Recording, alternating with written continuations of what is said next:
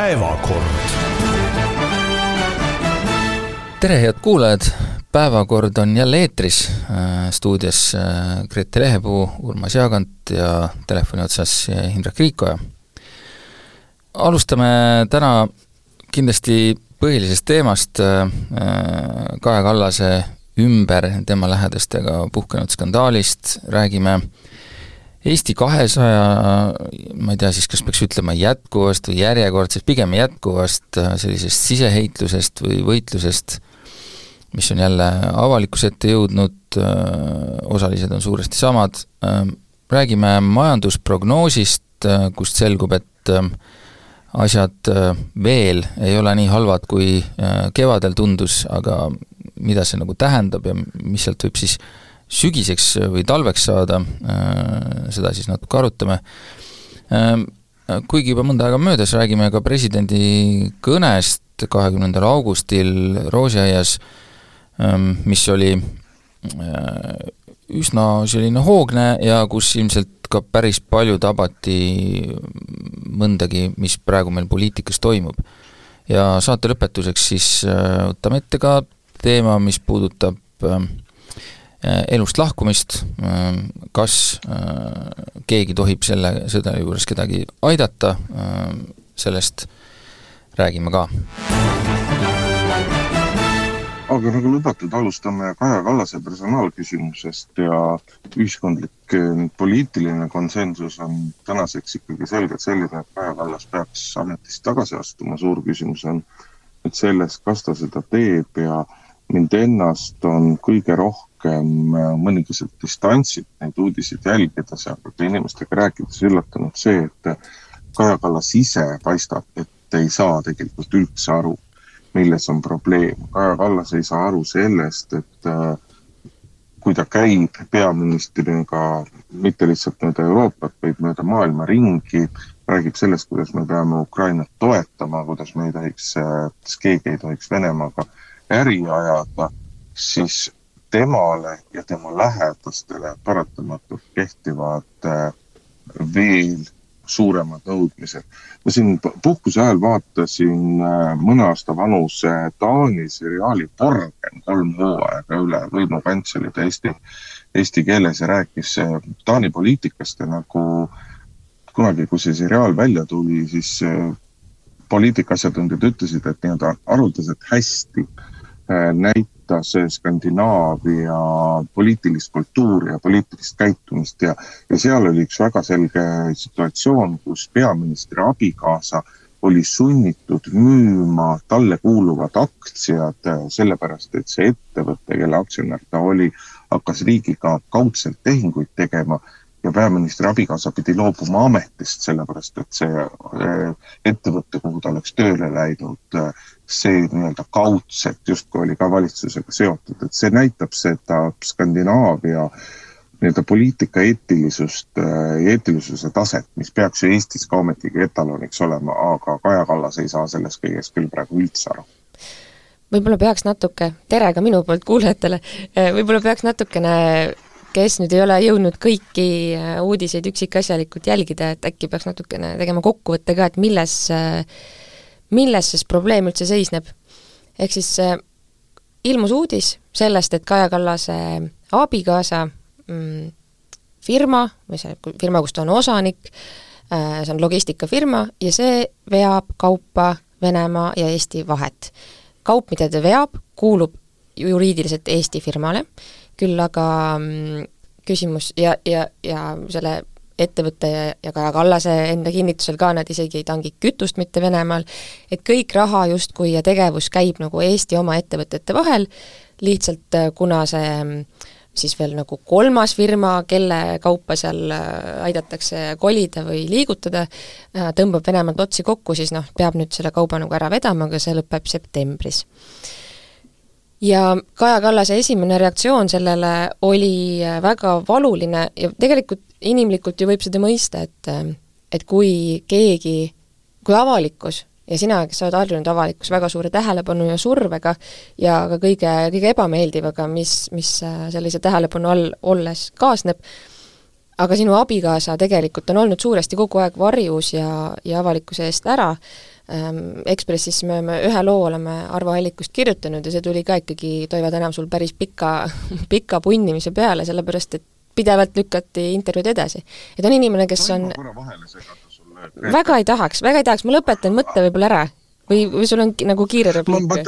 ma, ma tahtsin selle, eh, Eesti ajakirjanduses on, on liiga vähe tähele pööratud sellele detailile, et peaministri abikaasa äh, tegeleb oma äritegevusega läbi haldusfirma, millele Kaja Kallas eraisikuna on andnud laenu, mis teeb Kaja Kallase väga selgelt selle kõigega ka isiklikult seotuks, sest Kaja Kallas ei ole pank. Kaja Kallas on eraisik ja kui Kaja Kallas eraisikuna annab laenu ja ei tea, mille jaoks see laen on, siis kas ta on hoolimatu või on ta rumal, mis on mõlemad peaministri kohta kohatud, aga see on nagu ülioluline, mis Kaja Kallase enda seob selle kõigega ära. ja see valdusfirma äh, ei jaa, ühesõnaga see on nagu teine episood, mis on seal, mis on seal juures jaa ähm,. Aga kuhu ma tahtsin nagu jutuga jõuda, et et Kaja Kallase esimene reaktsioon oli hästi valulik, Mm, ta oli väga tõrges, ta ei tahtnud äh, vastata, samas ta sai aru, et ta ju peab vastama, kui ta on peaminister, siis need vastused olid kõik sellised, et mina ei tegele selle ettevõtte äritegevusega, et ärge küsige minult, aga samas ma tean neid vastuseid, aga ma ei anna. et äh, siin äh, Meelis Oidsalu on seda nimetanud Eesti poliitika ajaloo kõige halvemaks intervjuuks, mis sai siis ähm, äh, kolmapäeva õhtul Aktuaalsele Kaamerale antud ja ja, ja selles mõttes, Indrek, ma nõustun, et, et siin võib-olla ongi jah, see Kaja Kallase nagu personaalküsimus on, ongi see nagu asja iva tegelikult. kõige, kõige keerulisem teistpidi hakanud lahendama,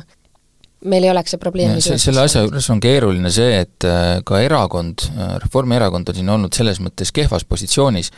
et äh, neil ei ole, neil, nii nagu mina olen aru saanud, ei ole olnud ka seda infot, eks, et, et skandaal on selles mõttes poliitikaväline justkui, et ta tuleb väljaspoolt, kus, kus info on mingite inimeste käes, kes ei ole erakonnaga seotud. Ja äh, noh, siin on öeldud ka jälle nagu alati ikka, et noh, kehv kommunikatsioon on ja nii edasi, aga mulle näib, et siin kohati ja kui vaadata eriti ka näiteks eilset õhtut, mis oli veel omaette, kus tuli järjest väga äh, asja alla järjest hullemaks tegevaid ja keerulisemaks tegevaid nagu väikeseid episoode välja, neid võime siin pärast ka loetleda, et äh, et ei olnud erakonnal kuidagi nagu võimalik Kaja Kallast ka nagu väga aidata selles asjas. Et seda, et Kallas rääkis kõik oma teadmise ütleme, erakonna inimestele ära, seda ma täitsa usun, et see võis nii olla, kuigi noh, siin mõningaid asju vaadates ei teagi enam, kas nagu mida uskuda, aga noh, oletame, et see nii oli, miks ei oleks pidanud, sest et kindlasti Kaja Kallas saab selles mõttes aru, et see asi on nagu ohtlik, aga erakond kindlasti ei omanud nagu seda infot, mis, mis nüüd on järjest nagu peale tulnud ja see on kõige halvem olukord, kus kus sul kriisis ei ole nagu võimalikult palju infot käes ja ütleme, sa, nii kui sa midagi ütled, siis järgmine, siis tuleb välja järgmine infokild, mis muudab seda, selle teistsuguseks, mis just sai öeldud ja sealt tuleb hakata jälle uuesti seletama, et et selles mõttes on see olukord olnud äh, ka Reformierakonna jaoks nagu väga halb, et ähm, nad ei ole saanud kuidagi sellist nii-öelda noh, kuidas öeldakse, nagu otsa peale selle asjaga, et, et äh, seda kuidagi nagu ära äh, lahendada, et siin on proovitud äh, küll ühte teistpidi ja mindud isegi nii kaugele, et Kaja Kallas on kasutanud neid samu põhjendusi mm, enda kaitseks, enda lähedaste kaitseks, mida ta on ette heitnud teistele, kes on varem neid kasutanud. et ja noh, seda, seda lausa nii, et need tsitaadid on nagu mõlemalt poolt, mõlemat pidi nagu olemas, et selles vaates see asi kisub ikka küll väga sinnapoole jah, et, et äh, ma ei, ma enam ei, väga ei kujuta ette, kuidas sellest olukorrast on võimalik, võimalik äh, välja tulla. Sel-, selles mõttes on nagu hämmastav minu meelest ma olen siin saates äh, varem öelnud, kaua me seda saadet teinud oleme, paar kuud no ja juba on olnud võimalus mitu korda öelda sama asja, et kui raske siis on võtta kokku üks pressikonverents, öelda teate, tõepoolest, ilgelt halb olukord on päriselt on halb, päriselt äh, teate, me oleme eksinud, mul on äh, ääretult kahju, et nii on juhtunud, ma, mul on sellised, sellised, sellised seisukohad, teate, mul ei ole veel nagu kõike infot teile anda, aga minu äh, moraal ja minu eetikanormid on nii kõrged, et me räägime need asjad selgeks ja ma hoian teid kursis, kallis Eesti rahvas ja, ja kaaskolleegid poliitikas, et kuidas nii raske on võtta omaks nagu mingisugused eksimused, et ma sa-, ma saan aru nagu, et see, see, kui see nool tuleb nii lähedale ja nii isiklikku äh, tsooni, siis seda ongi raske, neid emotsioone on väga raske ära hallata, aga meil ei ole väga valikut, kui on, kui on, kui on, kui sa oled peaminister, sul, sul tuleb selle asjaga korda saada ja, ja tuleb kiirelt-kiirelt võtta endale mingid nõunikud, kes vähemalt siis saavad aidata selles aga vaata, meie, meie tänane probleem ongi selles, et Kaja Kallas, ta ei saa ise aru, eh, milles on sisuline probleem. ma arvan, et ta saab saa küll. aru, eh, vaata, kui, kui, kui kuulata seda, mida arvavad reformierakondlased või mõned teised, siis, siis sealt leerist tuuakse just nimelt seda välja, et Kaja Kallas, ta ei saa ühest küljest, ta ei saa aru sellest sisulisest probleemist, aga ta ei saa ka aru sellest nii-öelda poliitilise vastutuse probleemist. ja me jõuame sinna tagasi, ma ei taha nüüd ka varasemana katkise plaadina kõlada, aga me jõuame tagasi selle, tegelikult selle nii-öelda, selle, selle võitmatuse ja, ja tõe ainumonopoli valdamise kompleksini, mis on, mis on ühest küljest Kaja Kallas tabanud, mis on Äh, mis on teisest küljest ka Reformierakonda tabanud küll vähem, sest et siin on jõutud ju ajakirjanduses juba kritiseeridagi Herman Kelomees, Kärt Anvelti täna kirjutavad päris hea loo päev, Päevalehest nendest taustadest, nad seal justkui räägivad sellest, et peaministri büroo või erakonna kontor ei ole toetanud Äh, Kaja Kallast piisavalt just kommunikatsiooni mõttes, aga, aga ka sealtpoolt öeldakse nagu mitmel puhul varem, et me võime ju nõu anda, kui seda kuulataks, aga seda meie antavat nõu ei kuulata. ja, ja kõik see moodustab selle komplekti, miks tegelikult on Kaja Kallasel paraku on aeg äh, tagasi astuda, sellepärast et praegusel hetkel ta mitte ainult, ta isegi mitte väga sisepoliitiliselt ei sae seda oksa, mida ta istub, aga ta saeb seda oksa meie just nimelt välispoliitika mõttes, ta, ta saeb seda oksa kus, kus püsib tema nii-öelda nagu tõsiseltvõetavus, tema usutavus ja tema tulevane võimalik karjäär kuskil Euroopas või kuskil mujal no,. seda hävitab Kaja Kallas praegusel hetkel. mina mingeid diagnoose võib-olla ei hakkaks jagama, aga, aga lihtsalt äh, üks kriisikommunikatsiooni äh, nagu põhiline põhiline, kõige esimene asi on see, et sa, et sa pead kriisi ära tundma ja see on ka muidugi kõige raskem sellest asjast, et mulle tundub, et siin lihtsalt Äh, keegi ei tundnud seda kriisi ära või see, kes tundis seda, nagu sa ütled, võib-olla siis ei kuulatud, aga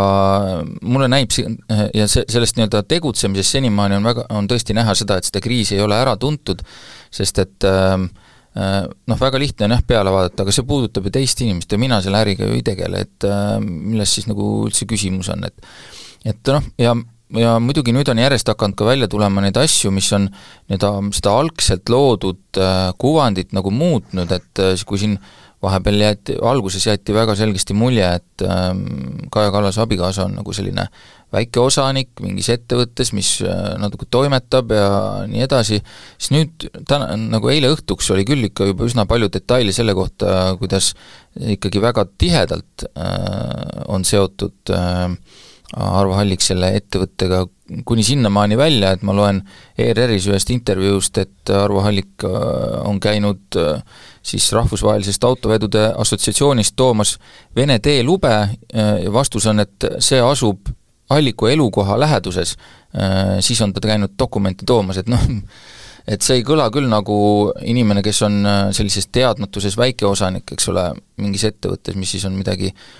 kuskil toimetanud, et noh, et et võib-olla see polegi nagu tähtis selles mõttes, et ähm, äh, võib-olla see sisulises plaanis palju ei muuda, aga halb on just see, et alguses jäeti nagu väga selgesti teine mulje sellest asjast. ja samamoodi, kui me loeme, et äh, kuidagi hästi kureeritud vastused, mida eile õhtul siis nende ettevõtete äh, nagu juhid ja omanikud hakkasid siis andma, kus siis räägiti sellest, et äh, sõja algusest saadik on siis ettevõttes nagu arutatud, et kas see ikka on moraalne ja nii edasi, siis äh, jällegi ühes intervjuus ütleb üks sama inimene, et ei ole midagi arutatud, sellist arutelu pole toimunud, et väga segane on see kõik. Ja, ja, ja muidugi me noh, siin me näeme nagu või ütleme, see on hea näide sellest, et kui te võrdlete seda mõne teise olukorraga, kus, kus sõnumid on nagu ühtsed ja kus, äh, kus tuleb mingeid detaile väga hoolega lugeda, et saada aru, mis toimub, siis siis te näete, milline vahe on hästi kureeritud nagu nii-öelda kriisijuhtimisel. Äh, mis ei pruugi ka hästi lõppeda. aga, aga ka siin, siin on teil näide sellest, kuidas, kuidas asi on halvasti juhitud. kui, kuidas on äh, raske aru saada, mis toimub, detaile, iga, iga küsim-, iga vastuse peale ilmub uusi detaile ja küsimusi juurde, et selles mõttes on see hästi keeruline olukord ja võib-olla me peaksime jah, rääkima nagu sellest, okei okay,, me siin vist osad, osaliselt vähemalt oleme kokku leppinud, et äh, Kaja Kallas ilmselt väga palju pääsu siin ei ole, Äh, aga siin on küsimus selles, et kus see, äh, võib-olla et mis siis edasi saab, et kus see, kus see siis samm peaks tulema, näiteks kui mina vaatan eilse, eilset pressikonverentsi, siis sotsid ju ütlesid äh, Madis Kallase isikus seal välja, et neil ei ole üldse mingeid küsimusi enam, kõik on chill. Mm, kui ma vaatan, mida ütles Margus Tsahkna Eesti kahesaja esindajana valitsuse pressikonverentsil, siis tema pidas seal sellise üldfilosoofilise äh, jutluse sanktsioonidest, nende olulisusest, kuid oli märgata nagu selgesti toetust Kaja Kallasele, kuigi seal oli ka sellist taganemisruumi jäetud, et et äh, peab ikka ikka kõik detailid selgeks saama ja nii edasi, et ehk siis natukene selline kõhklevam, aga toet-, toetav foon oli selgelt olemas. siit ma järeldaks, et koalitsioonipartnerite poolt küll nagu nüüd Kaja Kallasele mingit survet ei tule mingisuguseid otsuseid teha. Opositsioon ei, selles mõttes ei loe, selles mõttes, et opositsiooni surve, see on kogu aeg niikuinii, Äh, küllap siin juba prinditakse välja umbusaldusavalduse tekste ja muud sellist, et need kõik tulevad, äh, aga nüüd kus see surve ja kus see noh, otsus saab tulla, on siis kas Kaja Kallas ise või, või tema oma erakond. ja tema oma erakond, mõned isikud, üksikud isikud välja arvata, ei ole läinud seni väga kaitsele. äh, Kaja Kallase suhtes, nii et, et ähm, see on küll nüüd nagu huvitav, et mis siis selle nagu, mis see nagu Reformierakonna positsioon on, et mina ei ole näinud praegu kumbagi, ei survet äh, selles suunas, et Kaja Kallas peaks mingi sammu tegema, aga ei ole näinud ka sellist kaitset äh, tema suhtes. ma tahtsin selle äh,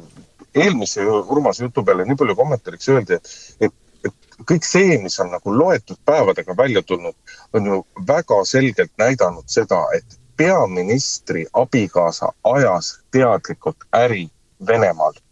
Äh, jutud sellest, et see, see, see ei ole faktitäpne tegelikult siin äh,. ei, peaministri abikaasa osalusega ettevõte ajas äri Venemaal.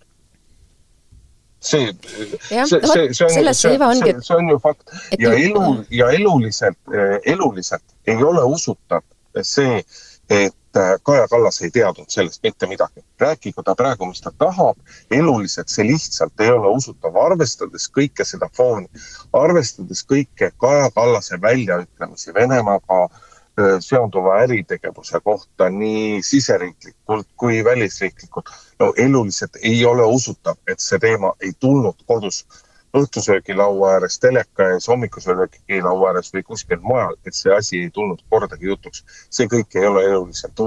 usutav, et selles mõttes on, on kogu see lugu väga mage. aga nüüd Urmase edasiarenduse juurde, siis äh, Reformierakond on selles mõttes äh, kahvlis, et äh, on võimalus kas Kaja Kallast kaitsta või on võimalus teda rünnata. aga selle jaoks, et teda noh, ütleme siis rünnata, selle jaoks peab olema selge alternatiiv, aga erakonnas ei ole tänasel hetkel selget alternatiivi, kes on see järgmine, kes tuleks Kaja Kallase asemele opositsiooni lootus, Isamaa lootus või Keskerakonna lootus valitsusse pääseda pärast seda, kui peaminister vahetub, no see tõenäosus on kaduvväike sotside ja Eesti kahesaja käitumine on näidanud seda, et nemad on absoluutselt kõigeks valmis selle nimel, et valitsuses püsida ja Reformierakond on seda siiamaani ära kasutanud. ja kui nüüd peaminister peaks vahetuma, siis Reformierakonna positsioon sellest valitsuses ainult tugevneb ja neil on veelgi, neil on veelgi rohkem võimalus oma agendat partneritele peale suruda aga kui me nagu võimalikest järglastest räägime, siis äh, ega eelkõige nii-öelda räägitakse kahest nimest, need on Kristen Michal ja need on Hanno Pevkur. ja mõlema olukord on niisugune nagu väga, väga, väga so-so, et äh, Kristen Michali puhul on, mäletatakse valget kampsunit, mäletatakse ei mäleta seda keegi enam, vaata, kui palju inimene hääli saab. üheksa, üheksa tuhat häält, see, see ei ole mingi kolm viiskümmend, see on kõva tulemus. Reformierakond teab väga hästi, et kui, äh, kui Kristen Michalist peaks saama äh, peaminister ja erakonna esimees, viimast ei pea ju tingimata hakkama kohe vahetama. Sellega iseenesest aega on, siis äh, ajakirjandus ja teised poliitikud ei jäta seda teemat mitte kuidagi rahule. ei, ei muidugi,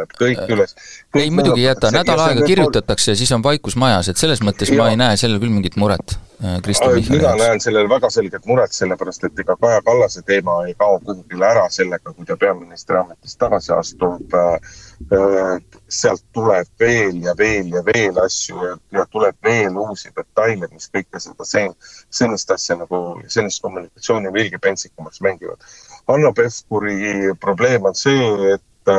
et ta, ta on erakonna esimees olnud, ta on ka samamoodi ju väga populaarne, temal ei ole, tema luukered on niisugused väiksemat sorti, mis, mis temal kapis on, aga paratamatult nii-öelda uuel peaministril, ta, tal peab olema Kaja Kallase heakskiit, aga Hanno Pevkuri ja Kaja Kallase suhted ajalooliselt ei ole olnud kuigi hea, kuigi headust eriti ajast, kus äh, Pevkur oli esimees, mäletame neid äh, kaklusi valimisnimekirja kohtade ja, ja kõige muu üle, et äh, sealt ei ole kohe tulemas sellist uut head kandidaati, mingisugusel hetkel loodeti äh, Mart Võrklaevast midagi, aga noh, Võrklaev rahandusministrina on näidanud, et äh, et peaministri ja erakonna juhi materjali temas kindlasti, äh, noh päris kindlasti ei ole, et ei ole head alternatiivi Kaja Kallasele. no ma ikkagi arvan, et sellise kogemusega erakonnale nagu Reformierakond, sa teed praegu natuke liiga selle koha pealt, et aga paku neid nimesid siis, räägi no, noh, me võime siin loetleda ette, eks ole, terve juhatuse, küsimus on lihtsalt selles, et tuleta meelde, mismoodi ega siis, kui Taavi Rõivas sai äh, peaministriks, ega ei olnud ka siis äh, ta ju mingi valik, mida oleks arutatud nagu, see lihtsalt nagu tuli ja siis äh, oli, ma mäletan neid küsimärke ja neid, et mis asi, mis nüüd nagu toimub, aga inimesed harjusid väga kiiresti ära ja kõik, kõik läks nagu, nagu me nüüd teame, eks. et selles mõttes, ja ta, et ta võttis kuidas? head nahka sellest omal ajal ei tulnud. noh, valiti ju tagasi, erakond, ta võis erakonna valimistele, säilitas oma peaministrikoha ja tegi veel teise valitsuse, nii et selles mõttes ma küll ei äh, alahindaks Reformierakonna nagu loomingulisust leida mingisuguseid käike, et äh, mida, mis me üle praegu võib-olla, mille peale me ei tule, aga seal majas äkki tullakse, tõsi, ajad võivad olla muutunud, võib-olla võib-olla mingit kompetentsi on vähemaks jäänud, aga, aga noh, selles me ei saa olla ka nagu kindlad kuidagi, eks, et ähm, nii et noh, aga noh, me, me võime siis jah, piirduda nagu oma äh, nii-öelda äh, poliitkombinatoorika leveliga, et siis arutada jah, nende nimede üle, mis nagu tunduvad väljaspoolt vaadates nagu loogilised, et selles mõttes ma olen sinuga nõus, et ega noh, ega ju ka Kaja Kallase ja Kristen Michali suhted pole olnud äh, Ehm, periooditi nagu liiga head, on, on mulle jäänud mulje ehm, noh, siin mingi hetk mulle näis, et äh, erakonna sees, kui see kor-, koroonakriisi ajal toimus ka selline nii-öelda kriitikalaine, mille siis, kus siis nagu noh, üheks initsiaatoriks Kaja Kallase suhtes peeti Kristen Michalit näiteks, sellest on ka mitmeid lugusid nagu kirjutatud ajakirjanduses, et, et selles mõttes on jah, nagu keeruline ja ma arvan, et et äh, kõige halvem on selle juures see, et küllap oli siin olemas juba ka mingi mänguplaan, et äh, mis puudutas siis äh, järgmisi Euroopa Parlamendi valimisi ja selliseid noh, selle järel toimuvad selliseid vahetusi, aga noh, nagu ikka, et kui on plaanid tehtud, siis, siis päris asjad juhtuvad. et, et selles mõttes on tõesti Reformierakonnal nagu ja mitmete inimeste jaoks nagu keeruline mõtlemise koht ja ma arvan, seda pausi, mõttepausi me olemegi vist senimaani näinud selles mõttes ähm, ma arvan, nüüd nagu kui paar päeva on see asi kerinud, äh, siis vist on selgemaks saanud, et see on, rohkem on see ikkagi, on Kaja Kallas oma tegevusega kahjustanud oma sisepoliitilist kui välispoliitilist mainet. et esialgu meil kuidagi oli, on ju see šokk, et oi-oi-oi, et Eesti nüüd on kõik oma tõsiseltvõetavuse maha mänginud, järgmisel ma NATO, aga siis kuula ära ja siis vaidle, on ju uh. -huh. ma ei lase Rõõgule vahele rääkida. et ähm, et, et meid järgmine NATO tippkohtumine laua taha ei võeta ja nüüd äh, oleme Ukraina kaotusega Venemaale ilusti äh, mänginud, et noh, see on nagu liigne, liigne utreering, ma arvan, ja, ja kui siin kõlas umbes ähm,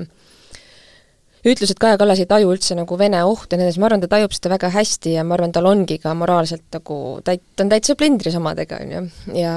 ja, ja selles mõttes ta võiks ka jääda ikkagi selle juurde, et ka, et me ei hakka otsima mingisuguseid konstruktsioone, millega me nagu vabandame välja, et miks ikkagi Eesti ettevõte tohib Venemaa piiril oma autorattaid äh, liigutada. aga et tead, see, et see, see välismaa hirm, ma arvan, on nagu pisut väiksem, sest kahjuks kahjuks, kahjuks, kahjuks Lääne-Euroopas, Kesk-Euroopas äh, see on business as usual. mitte võib-olla noh, ütleme, et see ei ole nagu, seda ei tohiks aktsepteerida, et peaministri abikaasa ja peaminister, kes eriti võitleb, on ju, täieliku Venemaa blokeerimise eest, et tema ajab, ajab mingisugust äri seal, aga et, et noh, paraku on väga paljud ettevõtted endiselt seal Äh, ja, ja sellepärast lastakse see ilmselt nagu minema, et sellepärast me ei ole näinud nagu tohutult suuri mingeid artikleid ja pealkirju, kuigi, kuigi mõnes väljaandes oli vist Financial Timesi esiküljel oli, oli ära märgitud see ähm,. Jaa, no Indrek, pane nüüd. ma ei, ma ei ole sinuga selles mõttes nõus, et, et meil äh, kuidagi arvatakse nagu, et äh, et see, et välismaal pannakse mingisuguseid asju tähele ja mainekahju äh, et mainekahju tekib, et, et see tähendab seda, et ma ise istun siin parasjagu Levi suusakurorti mäejalamil, mis parklas, et siin on küll Prantsusmaalt, Saksamaalt, Soomest, Rootsist, Norrast inimesi, et nemad seda teavad. ei, nemad ei tea ja need töömehed, kes siin, kes siin mäge hooajaks korda seavad, nemad ka ei tea sellest midagi. aga ajakirjanikud teavad, poliitikud teavad, nemad panevad seda tähele ja, ja nende suhtumine ja nende mõju on see, mis tekib probleem. ma kohtasin eile täiesti juhuslikult, äh, täiesti juhuslikult Soome ajakirjanikke, tuli lihtsalt jutuks Saami muuseumi ees ja nad kohe küsisid, mis värk sellega on, mis asi sellega on. seda pannakse tähele ja see, see, see just nimelt nii-öelda poliitilises mõttes Kaja Kallase mainekahju väga selgelt äh, tekib ja see on väga selgelt olemas. me ei saa sellest, me ei saa sellest üle ega ümber pärast seda skandaali Kaja Kallas ei saanud äh, saada Europarlamenti, pääseb ta suurte häälte hulgaga, täiesti raudpolt, kui ta sinna kandideerib aasta pärast. aga Europarlamendis mingisugust mõjukat kohta ta ei saa. noh, saab ikka ikka ta saab, ma arvan. aga noh, ma äh, sinna võib-olla ei lasku praegu, aga et äh, mis ma äh,, et iseenesest võiks me arutada ju ka selle üle äh,, et mi-, mis valikud siis äh, olid äh, näiteks Arvo Hallikul või nendel ettevõtetel, kellest praegu juttu on ja kes siin äh, kriitika alla on sattunud, et kas, kas oleks siis olnud parem, kui nad oleks jätnud tõesti miljard äh, rubla siis Venemaale niisama, on ju, et noh, või et me, me näeme, kuidas Venemaal praegu see ettevõtete nii-öelda riigistamine või ülevõtmine käib, et lihtsalt nagu poole euro eest võetakse sul terve nagu su elutöö üle. no kaks varianti on ju, ütleme, et no see on paratamatus, sest et on sõda, ja see ongi erakorraline olukord ja nii lähebki ähm,. Räägime, on ju, vaat-, vaatame korraks sinna äh, Ida-Ukrainasse, seal lihtsalt on polegi enam midagi, ju, et sellega võrreldes see on pisku teistpidi võttes ähm, noh, võib-olla on nagu, on nagu mingit pidi nagu mõistetav see, et nad püüdsid seda äri kokku tõmmata. Ja siis me jõuame tagasi jälle, et me oleme poolteist aastat selles sõjas olnud. Ja majandusnumbrid ei näita, et nende ettevõtete käibed oleksid oluliselt määralt nagu vähenenud, et ühesõnaga see, et siin, siin nagu ei ole,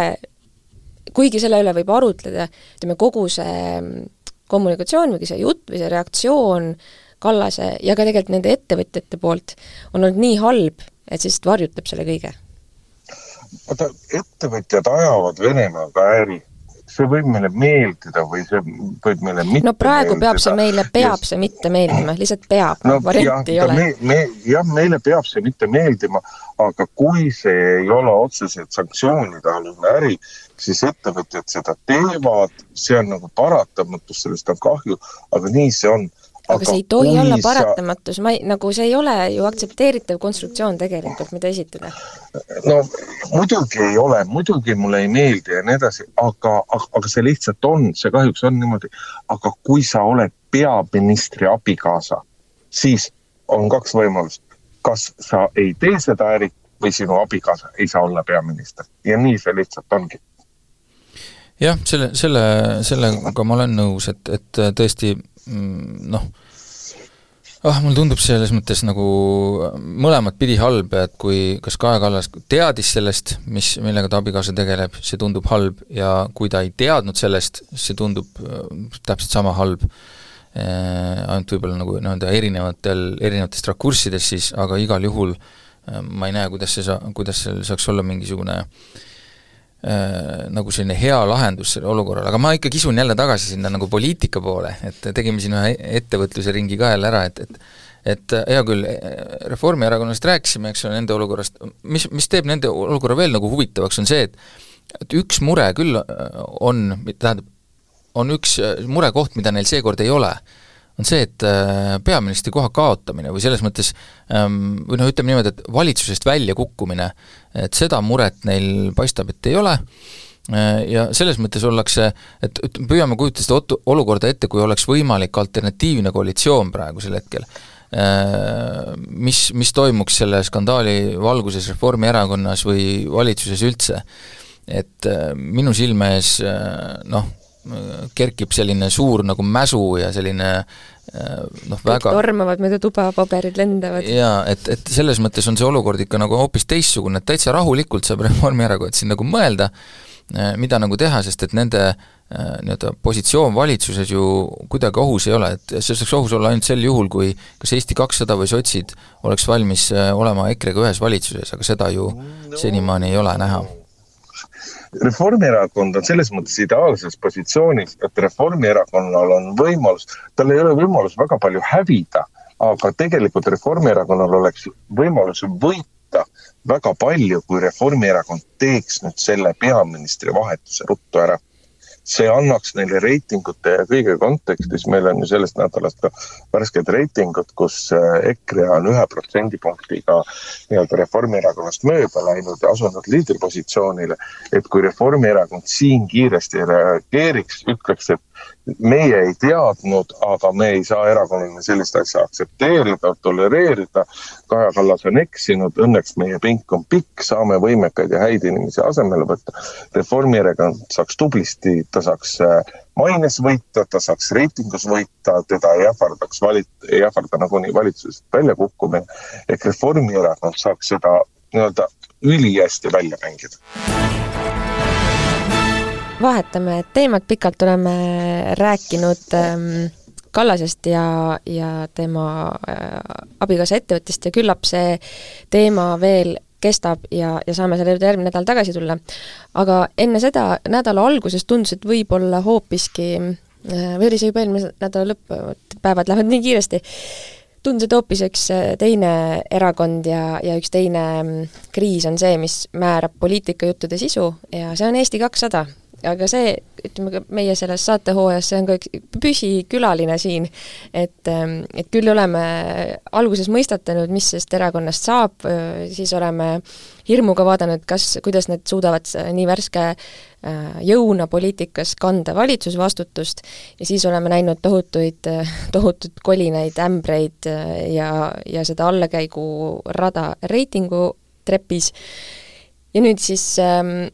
ma ei tea, kas see, kas see on mingisuguse nagu puhastustule või, või mingi sellise noh, nagu põletikulise olukorra ähm, noh, üks nagu äh, tervenemise märk äkki või vastupidi, on see nagu agoonia algus või nagu lõpuohinad, ohked. Mm, ühesõnaga, äh, Liina Normet, äh, Eesti kahesaja nüüd vist siis juba endine liige, kes ka oli äh, erakonna asutajate seas ja, ja läks suure tuhinaga kaasa selle Kristina Kallase, mm, võib vist öelda isegi Leeri äh, nagu aadetega ja, ja ootustega ja plaanidega. Liina Normet kirjutas, et ta astub erakonnast välja, et see, mis seal toimub, on täiesti kohutav, kuidas peagi võib plahvatada nende enda nii-öelda joogid autosse skandaal, ehk siis äh, laristatakse rahva raha, sõidetakse rahva raha eest äh, autoga erakohtumistele ja ostetakse sinna ka veini kaasa, ja noh, need on võib-olla väiksed detailid, et palju suurem ähm, siis mure Normetil oli see, et erakond äh, noh, üldse nagu kuidagi on siis oma mm, väärtuse ja, ja olemise ja, ja ka poliitikate poolest äh, alla käinud ja kaotanud oma sihi ja see, see talle ei meeldi. ja mm, nimetas ta siis ka seda, et äh, Lauri Hussar, erakonna juht, on tegelikult juhitav juht, et, et tema on de, de jure juht, aga de facto juhib erakonda Tsahkna ja siis on selline hall kardinal sealjuures Marek Reinaas, kes käib ja ka korraldab ja käseb ja laseb. ta ütles ühe olulise nime erakonna nii-öelda ka ikkagi ühe juhtliikme ja, ja suurtoetaja Priit Priit Alamäe mainimata, et see on omamoodi selline huvitav, huvitav paradoks, et meil on kaks enam-vähem ühesuurust erakonda, et on Isamaa ja ja on Eesti kakssada ja, ja mõlemal on sellist, sellisest, selline nii-öelda suurrahastajast ja ettevõtjast hall kardinal, mis ühe puhul on hästi paha, paha, paha, aga teise puhul kontekstis millegipärast ei räägita sellest kui halvast asjast, aga sa jätsid oma selles loetelus ütlemata selle, et me oleme ka korduvalt tõdenud, et eh, ei ole uus erakond, et täpselt samasugune klassikaline tavaerakond. ega see, mis Eesti kahesajas praegu toimub, ongi see, et, et inimesed tulid idealistlikult tegema mingisugust uut asja, tahtsid teha uuesti, tahtsid teha paremini, tahtsid teha teistmoodi, aga tänasel hetkel on kõik jõudnud aru saanud sellest, et ega nii nagu igas valdkonnas on ka poliitikas omad äh, omad mängureeglid, omad toimimispõhimõtted ja kui sa tahad edukas olla, pead sa neid järgima ja, ja on loomulik, et osad uued inimesed selles, selles kõiges äh, pettuvad ja eks Eesti kahesaja suur häda on see, et neil ei ole lihtsalt, äh, neil ei ole korralikku tugevat juhti. No.. et äh, juhivahetus tehti suuresti ka paljuski sellesama Priit Alamäe ja veel teiste suurrahastajate soovil, sest et näha oli, et Kristina Kallase juhtimisel äh, nende järgmist sammu ei hüpata ja siis valiti, valiti inimene, kes paistab hea, aga sisuliselt võib-olla alati seda ei ole ja siis saavadki nii-öelda hallid kardinalid võimust võtta no sellist olukorda me oleme näinud tegelikult päris mitmetes erakondades, kus on ikka seesama valik, mis on, mis on nagu suhteliselt halb, et, et, et kui on mingi seltskond, kes, kes erakonna sees, alati on erakonna sees ka mingeid teistsuguseid vaateid, äh, sama nii-öelda noh, raami sees siis. ja tihti see on, see olukord on selline, kus sul on ühel hetkel tekib küsimus, et mis siis nagu nüüd teha, et et äh, näiteks kui me tuletame meelde, mis juhtus, eks ole, parempoolsetega Isamaa sees, et et ühel hetkel sul ongi küsimus, et ühed ütlevad, et et kuidas, et peame ikka rohkem nagu nendega rääkima, on ju, me peame neid arvesse võtma, me peaks nagu kuulama, ja samas see teine pool tunneb, et aga mis asja, et meid ju ikkagi nagu konkreetselt õõnestatakse, meile tehakse nagu äh, Äh,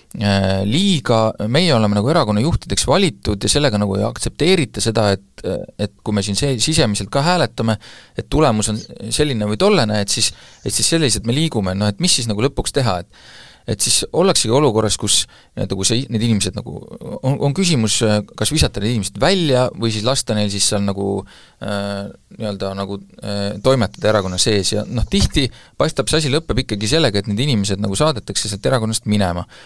ja, noh, siis alati jätab see nagu väljapoole, kes ei ole siis seda sisemist nagu heitlust näinud, jätab mulje, et seal õudselt tehakse nagu kellelegi liiga, aga kas siis tegelikult tehti me seda nagu, seda nagu väga keeruline lõpuks teada saada,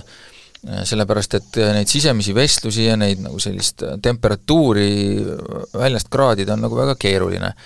aga, aga küsimus nagu erakondades selles olukorras ikkagi alati tekib, et et kuidas minna edasi selliselt, ku-, kus ikkagi osad inimesed tunnevad, et neid konkreetselt äh, nii-öelda tagaselja nagu õõnestatakse, aga needsamad inimesed siis äh, ütlevad, et nemad lihtsalt esindavad sellist äh, või te-, tegelevad nagu erakonna kritiseerimisega ja kui neile midagi öeldakse, siis nüüd on tegemist nagu suukorvistamisega.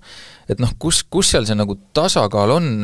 selle nii-öelda äh, ärakuulamise ja arvestamise vahel äh, kuni selleni, et nüüd aitab, et me oleme mingi suuna võtnud ja sellega me liigume, äh, otsustage, kas see teile meeldib või mitte, et kuidas see, kuidas seal nagu seda piiri nagu tunnetada, noh ilmselt ongi hästi keeruline, äh, aga noh, jah, senine kogemus näitab, et see peaaegu alati vist lõpeb ikkagi sellega, et need inimesed erakonnast kas ise lahkuvad või nad nagu välja visatakse, et ja muidugi noh, vot seda ma nüüd ei oskagi hinnata, kas see on teile erakondadele nagu hästi mõjunud, äh, Isamaale mulle tundub, võib-olla on veel vara hinnata tegelikult, kuigi see võib tunduda kummaline, aga võib-olla on tõesti veel vara hinnata, aga tollel suurkogul nad võitsid, kui, kui see tüli Isamaa sees üleval oli parem, nii-öelda parempoolsete, kes tollal vist ei olnud, tollal, tollal ei olnud veel eraldi erakond, aga noh, ma ei tea, kuidas siis Eesti kahesajal läheb, et kui, kui see nagu väga suureks ei paisu, siis, siis tõenäoliselt noh, see nagu vaibub maha. et kas, kas see, mida need inimesed kirjeldavad, kuidas erakonna sees asjad käivad, ma arvan, et sealt osa on kindlasti nagu ka õige, mm, võib-olla mõningaid asju dramatiseeritakse üle, aga noh, jah, see, see tõdemus sellest, et, et see, kuidas senimaani poliitikat on aetud, on mingi põhjusega selline, sest see lihtsalt äh, on võib-olla kõige optimaalsem, kuidas neid asju teha, et see tõdemus jah, paraku kõigile ei sobi, eriti kui on mingid suured äh, ideaalid tõesti olnud. ma ütleks kõik ei ole Edgar Savisaared, kes suudavad äh, nii-öelda aastaid ja aastaid äh, nii-öelda protestijaid maas hoida ja neile ka mingisuguse prääniku pak-, äh, prääniku pakkuda, aga Eesti kahesajal on väga selge, et tal on vaja uut juhti, uut tugevat juhti, kes suudaks äh, ühest küljest nii-öelda reitingu languse peatada, aga teisest küljest erakonda rahu tuua ja, ja, ja Lauri Hussar kahjuks ei ole sellega siiamaani hakkama saanud ja, ja on väheusutav, et seda suudaks teha mulle tundub jah nii, et, et kui seda juht, uut juhti otsiti ja juhi vahetust, vahetuse vajalikkust kuidagi põhjendati, siis äkki müüdi ennast üle et, et see noh, tegelikult ei ole ju hästi läinud erakonnale pärast seda, jaa, nad on valitsuses küll, aga, aga mis on nagu noh, oma, oma nime ja maine, ütleme, on need ikkagi suhteliselt suuresti maha mänginud ja see paistab ju reitingust ka välja. et ähm, jaa, äh, tegelikult on masendav, ma, ma ei täidaks siin saates oma rolli, kui ma ei räägiks seda, seda idealistlikku juttu, aga tegelikult on masendav, et me lepime sellega, et noh, nagunii poli-, poliitikut, poliitikud aetaksegi, et noh, siin et võtame neid kuluhüvitisi nii nagu, nii nagu parasjagu on vaja võtta, et noh, noh, mis me siin noh, teate, ajame seda riigi asja ka, et eks siis tulebki vahe, no et mis asja et, et kas, et tegelikult ja, ja tõlgendab minu sõnu selles mõttes täiesti valesti, et ma ei, ma ei ürita selliseid asju aga nagu mida sa siis, mis sa siis öelda tahtsid, et selles mõttes, et ette heideti ju seda äh, halba juhtimist ähm,, noh, nagu mit-, nagu sellist äh, teiste jah, väljapuksimist on ju äh,, millest Urmas rääkis siin juba, aga, aga noh, muuseas sellesse suhtumist, suhtumist sellesse, mida võiks võib-olla võtta kokku, et kui sul nagu võim hakkab pähe, et sa lihtsalt oled nii lai leht, et sa nagu ei mahu kuskile ära ja sa ei pea teistega arvestama ja et noh, tegelikult me ei pea ju või ma ei tea. no siis sellisel juhul lihtsalt need asjad tuleb tuua nagu avalikuks koos nagu faktidega ja küllap, küllap neid teemasid ka uuritakse, lihtsalt nagu Eesti kahesaja tõesti, nagu sa algu-, alustasid seda teemat, et Eesti kahesadat on praegu päästnud see, et äh, Kaja Kallasel on lihtsalt veel suurem skandaal äh, võib-olla Eesti kahesaja juhid kuskil peaksid äh, mingisuguse väikse tänukingituse kuhugi panema vastavalt oma usutunnistusele. et et selles mõttes äh, tõesti ma arvan, et küllap neid, küllap neid asju ikkagi vaadatakse edasi, kas need süüdistused vastavad nagu tõele või mitte, et ei muidugi keegi ei ütle, et et see ongi asi nagu business as usual. jah, mida, mida ilmselt nii Indrek kui ka mina silmas pidasime, on see, et äh, on see, et äh, nagu laiemalt, et mingid inimesed saavad mingeid positsioone, need peavad olema äh, inimesed, kes, kes neid kohti ka välja kannavad, et selles mõttes on alati ma olen nagu tihti ka mõelnud selle peale, et, et kuidas kuidas ikka ja jälle näiteks tekivad mingisugused sellised kommuunid, kus inimesed arvavad, et et tuleme sõbralikult kokku ja otsustame kõiki asju koos. ja elame niimoodi täiesti teistmoodi, kui nagu kogu ülejäänud äh, inimühiskond elab ja siis noh, selle tulemus on lõpuks ikkagi see, et minnakse räigelt tülli ja äh, kui mitte midagi hullemat. et selle põhjus on lihtsalt see, et inim, inim nagu kooslused lihtsalt toimivad niimoodi, et kui sul on kaks inimest, siis üks nendest kujuneb liidriks, isegi kui sa ei äh, kui teda ei valita kuskile, siis liidrid kujunevad, keegi peab tegema otsust, keegi peab oma nii-öelda asja ähm, äh, oma nagu soovidest loobuma, kuna see hääletatakse maha näiteks ja nii edasi, see kõik nagu tekitab pettumust äh,, aga paraku lihtsalt äh, need asjad nagu nii käivad, selleks et saaks üldse midagi tehtud seda ma pidasin silmas, aga jah, tõesti, et see, et kui, kui on kuskil on äh, keegi nii-öelda laia lehte mänginud või teinud mingeid kulutusi, siis ei, need asjad tulevad enamasti ikka välja ja need ei unustata, need kui siis, kui mitte kohe, siis vähemalt hiljem jõuavad need uuesti tähelepanu alla, nii et et selles mõttes ma ei arva, et selline asi peaks nagu poliitika juurde, juures käima lihtsalt need asjad ka alati juhtuvad, juhtub seekord, võib-olla see, võib-olla seekord ei juhtu, aga tuleb kindlasti keegi teine, kes, kes midagi, midagi teeb, ostab rahva raha eest mingeid asju, mida ei peaks ja nii edasi, et see see noh, selles mõttes ta on paratamatu, sest tegu on inimestega, mm, aga muidugi me ei peaks seda nagu, sellega siis nagu leppima. teema lõpetuseks kaks banaalsust. demokraatia on halb ühiskonna valitsemise vorm, aga see on kõige parem teadaolevatest ühiskonna valitsemise vormidest. ja selle lahutamatuks osaks ja ka poliitikas edukaks olemise lahutamatuks osaks on poliitika kompromisside kunst. sa pead suutma kompromisse luua oma erakonnas, oma valitsuses, oma parlamendis, rahvusvaheliselt. kui sa selle kõigega suudad edu, edukalt toime tulla, siis saad sa olla edukas. aga praegusel hetkel ei paista Eesti kahesaja tüüri juures liiga palju inimesi, kes sellega toime saaksid tulla ja sellepärast äh, sassis suhted erakonna sees, olematu positsioon valitsuses, langev reiting. Jätkame klišeede popuriiga, järgmiseks siis tõdemus, et majandus on tsükliline ja tõusudele järgnevad langused ja langustele taas tõusud ja pärast seda taas langused. Aga äh, lähme tegelikult, me lähme järgmise teema juurde, mis tegelikult on hea uudis. ehk siis äh, Eesti äh, riigi eelarve prognoosijad, selle paikapanijad, on tõdenud, et miinus, mida meile, mis, mis meie mm, tõi meie, meie taevasse koledad mure, murepilved kevadel ja pani valitsust kärpima ja meie kõigi tuju rikkuma igasuguste uute maksudega, et tegelikult see miinus ei olegi nii suur, et vabandust, panime poole milja-, miljardiga või isegi rohkem, aga mööda. ja äh, ametlikult muidugi siis on nelisada miljonit on see äh,, on see defitsiit, mis, mis siis nüüd nagu ära kustutati sealt ähm,, aga eelmisel nädalal tegelikult oli õhus isegi, et see, see küündib umbes miljardini, see möödapanek äh, prognoosidega. no ma ei tea, hea uudis on ju, et äh, automaksuga pole vaja üldse nagu kiirustada nüüd või ei tahagi, kumba sina olid, et kas automaksuga ei peaks kiirustama või võiks ikkagi need lastetoetuste ja laste arvelt kärpimise nagu järgi jätta, et võiks ju niimoodi küsida ja, ja kindlasti see on õigustatud küsimus, aga noh, ühest küljest on see küll tore ja positiivne uudis, aga me ei tohi nagu unustada, unustada seda, et neil suurenevad ja peavad suurenema veelgi riigikaitsekulutused ja selle kõigega ei ole nii-öelda jätkuvalt äh, arvestatud, selle kõige jaoks katet ei ole, nii et ta on nagu ühest küljest küll tore, et peab nelisada miljonit vahele vähem kärpima, aga, aga tegelikult see ei tähenda, et riigil oleks, riigil oleks rohkem raha ehk äh, see prioriteetide seadmine ja see kunst, sellega peab riik ikkagi, ikkagi edasi tegelema kõigest sellest hoolimata, sest et äh, eelkõige laste arvelt kärpimine kõige esimesena on häbiväärne valitsusele no, no see, mida te muidugi siin praegu teete, on, on see asi, et äh, et kuule, mul mul äh, raha üldse ei ole,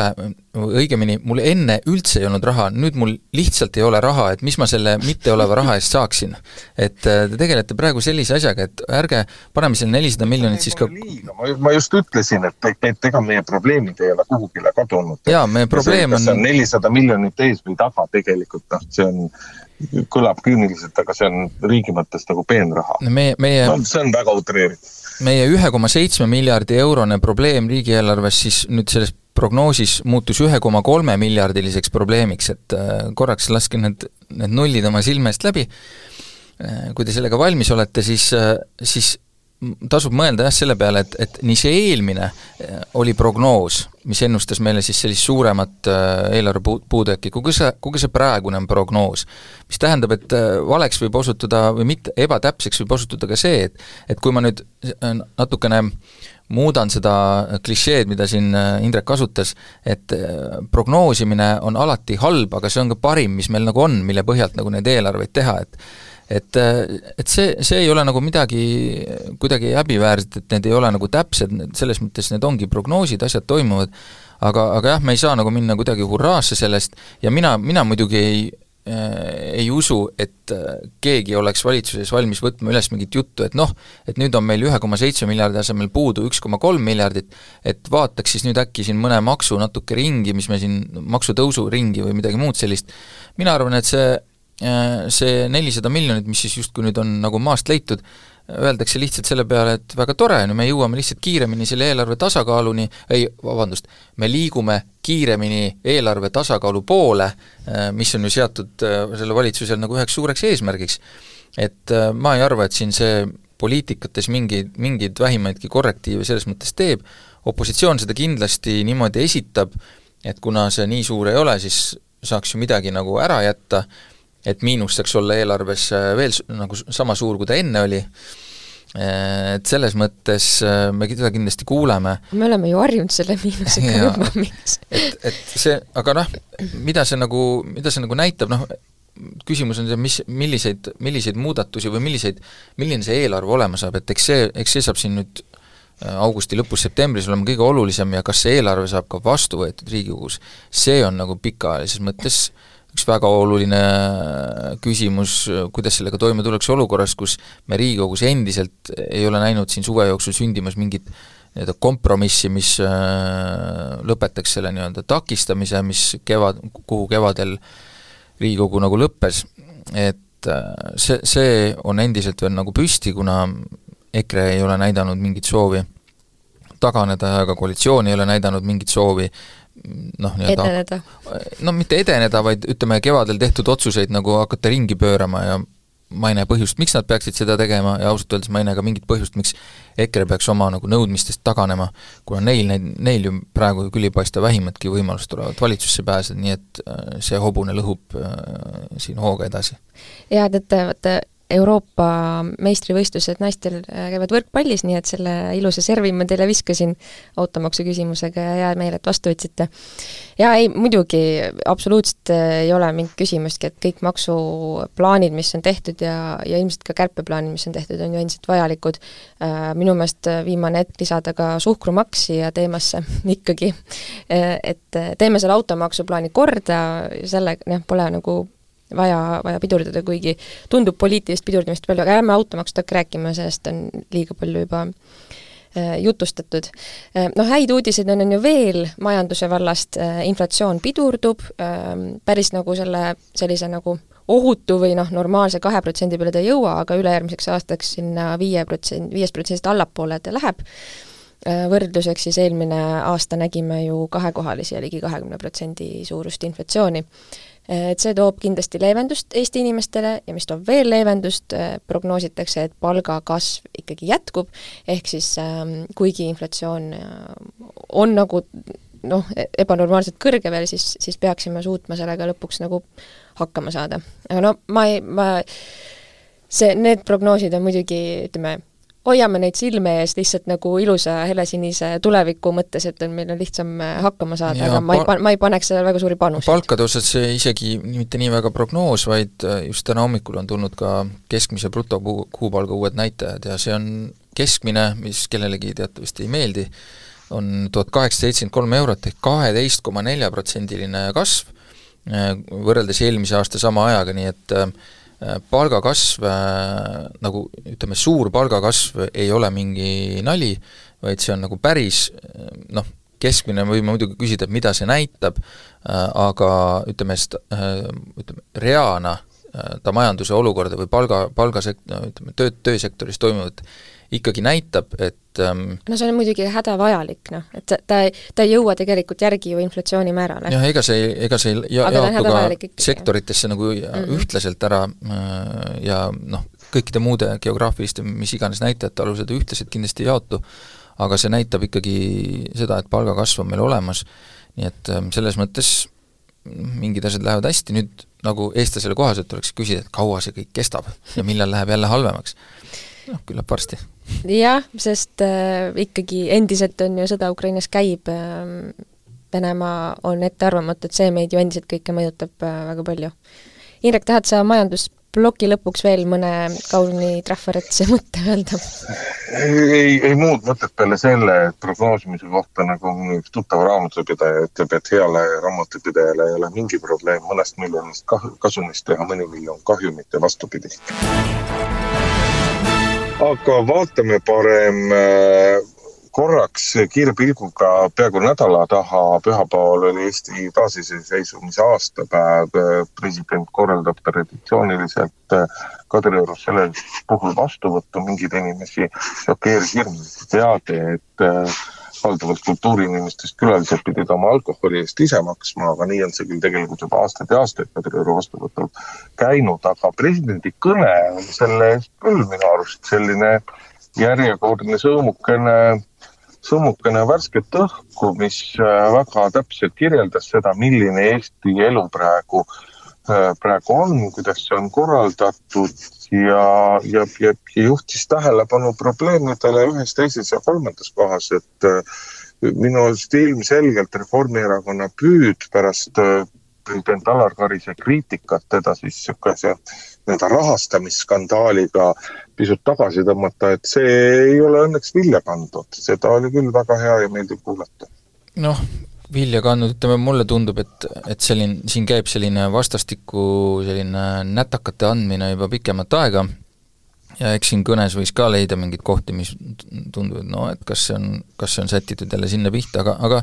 no seda kõrvale jättes, noh eks mina kuulan ikkagi seda tihti rohkem, mid-, mida siis nagu nii-öelda sisepoliitikas toimuva kohta öeldakse ja selle kohta oli äh, Karisel väga nagu täpne tähelepanek selle koha pealt, et ikkagi me oleme olukorras, kus,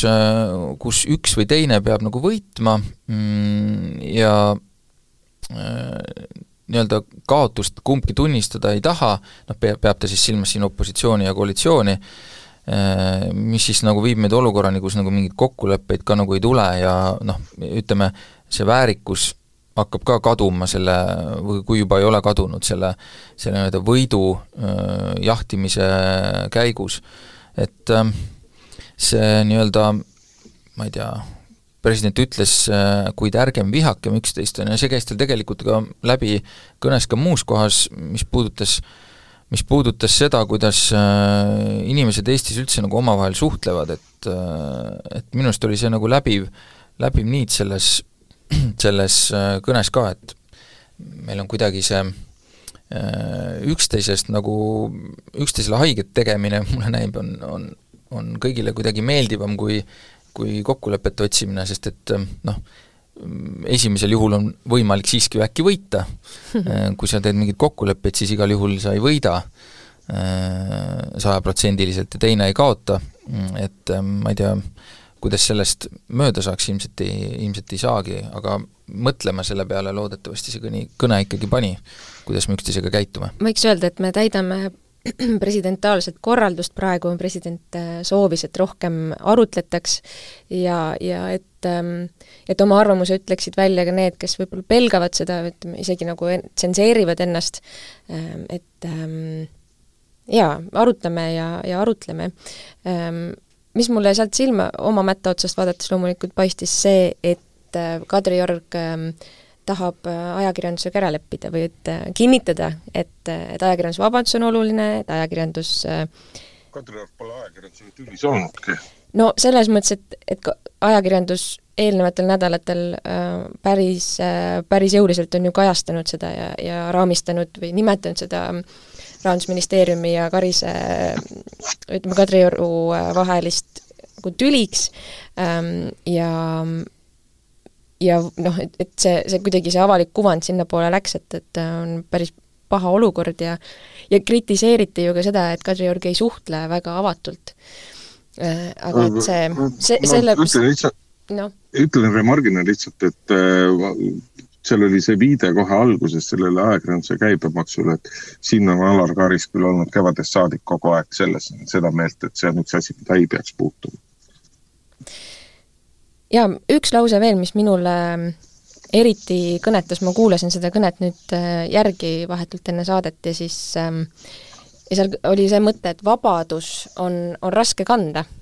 et äh, lihtsam on loomulikult elada ju nii, kui keegi sulle ette ütleb, mis on su reeglid. aga kui see on vabadus, siis äh, see ongi suur vastutus ja seda ongi raske kanda. ja see jääbki minu meelest, ähm, toob meid tagasi saate alguse teema juurde, et et äh, mis, mis on need valikud, mida sa teed selle suure vabaduse sees, mis on need moraalsed valikud, mida sa, kuidas sa ära kasutad seda. Noh, näiteks kas sa ajad Venemaaga äri või mitte, on ju. et see, selles mõttes Karis viitas õigetele asjadele, et me, me peame väärtustama seda, mis meil on, aga me peame vaeva nägema selle nimel, et, et see kõik alles jääks. saate lõpuks räägime ruttu abistatud enesetapust ehk suitsiidist see mitte Eestis üksi ei ole palju kõneainet pakkumas, vaid ka Euroopas laiemalt. meil on nüüd käivitunud sellega seonduv üks kohtuprotsess, mis jälle toob, tõstab üles esile arutelud, et kas, kas võiks Eestis abistatud enesetapp teatud juhtudel olla lubatud, lubatud või mitte, et sellesse kohtuprotsessi nagu liialt süvenemata, siis kindlasti see on asi, mida, millest Eestis peab rääkima ja sellega peab tegelema, et see on minu arvates, see on nagu samasooliste abielud, et kümne, viieteist või kahekümne aasta pärast on see, on see nagunii reaalsus ja, ja, ja ka Eestis lubatud, et me peaks nagu mõistlikult kainelt selle teemal arutlema, et võimalikult hea lahendus leida. ja kindlasti see inimene, kes siis praegu on kohtule antud, kui Mm, äh, tegelikult nagu majandustegevuse paragrahvi all üldsegi, et, et ta tegeleb, äh, teenib raha asjalt, mis, mis on nagu justkui ebaseaduslik, et lihtsalt teist paragrahvi ei ole, millega seda asja arutada. et see, see inimene kindlasti mm, kannatab aga mulle tundub, et ta on, on ta nagu ka valmis seda arutelu ja seda kannatust vist välja kandma, et, et seda, et saada selgust äh,. muidugi noh, paha olukord on selles, et, et kui ta küsis äh, äh, ei, vabandust, ma eksisin, ta, ta küsis küll ka ministeeriumilt enne nõu, et kas ta võib tegeleda sellise asjaga, et ehitab ühe seadeldise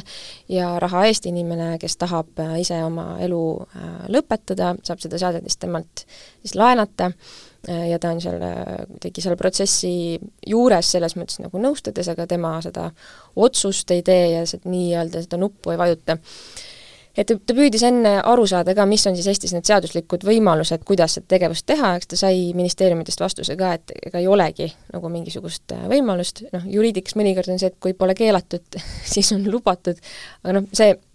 see teema vajab, ma olen Indrek sinuga nõus äh,, kindlasti suurt äh, arutelu ja kindlasti reguleerimist ja kindlasti riiklikku reguleerimist ähm, ja mulle meeldis sealt ähm, Eesti Päevaleht sellest kirjutas seal artiklis paralleel abortidega, et ähm, meil on Eestis, meil ei ole neid põrandaaluseid abordikliinikuid, kuna see riiklikult on nii hästi korraldatud ja seetõttu on ka on see ka noh, nii-öelda tervislik, ütleme, et see, see, see ühiskonnana me saame ainult võita sellest, et ei, ähm, kui asi on riiklikult korraldatud, kus on regulatsioonid, siis see saab olla ähm, täpne, see saab olla, inimesed, kes sellega tegelevad, peavad vastutama mingites raamides, et see on jah, ainus võimalus on seda päris rasket debatti hakata nüüd pidama aga meie, meie debati aeg on, on selleks korraks äh, läbi, äh, aitäh, et kuulasite, mõelge siis kaasa ja arutage kaasa, nagu president Karis kõiki innustab. Ja kohtume taas järgmine kord. päevakord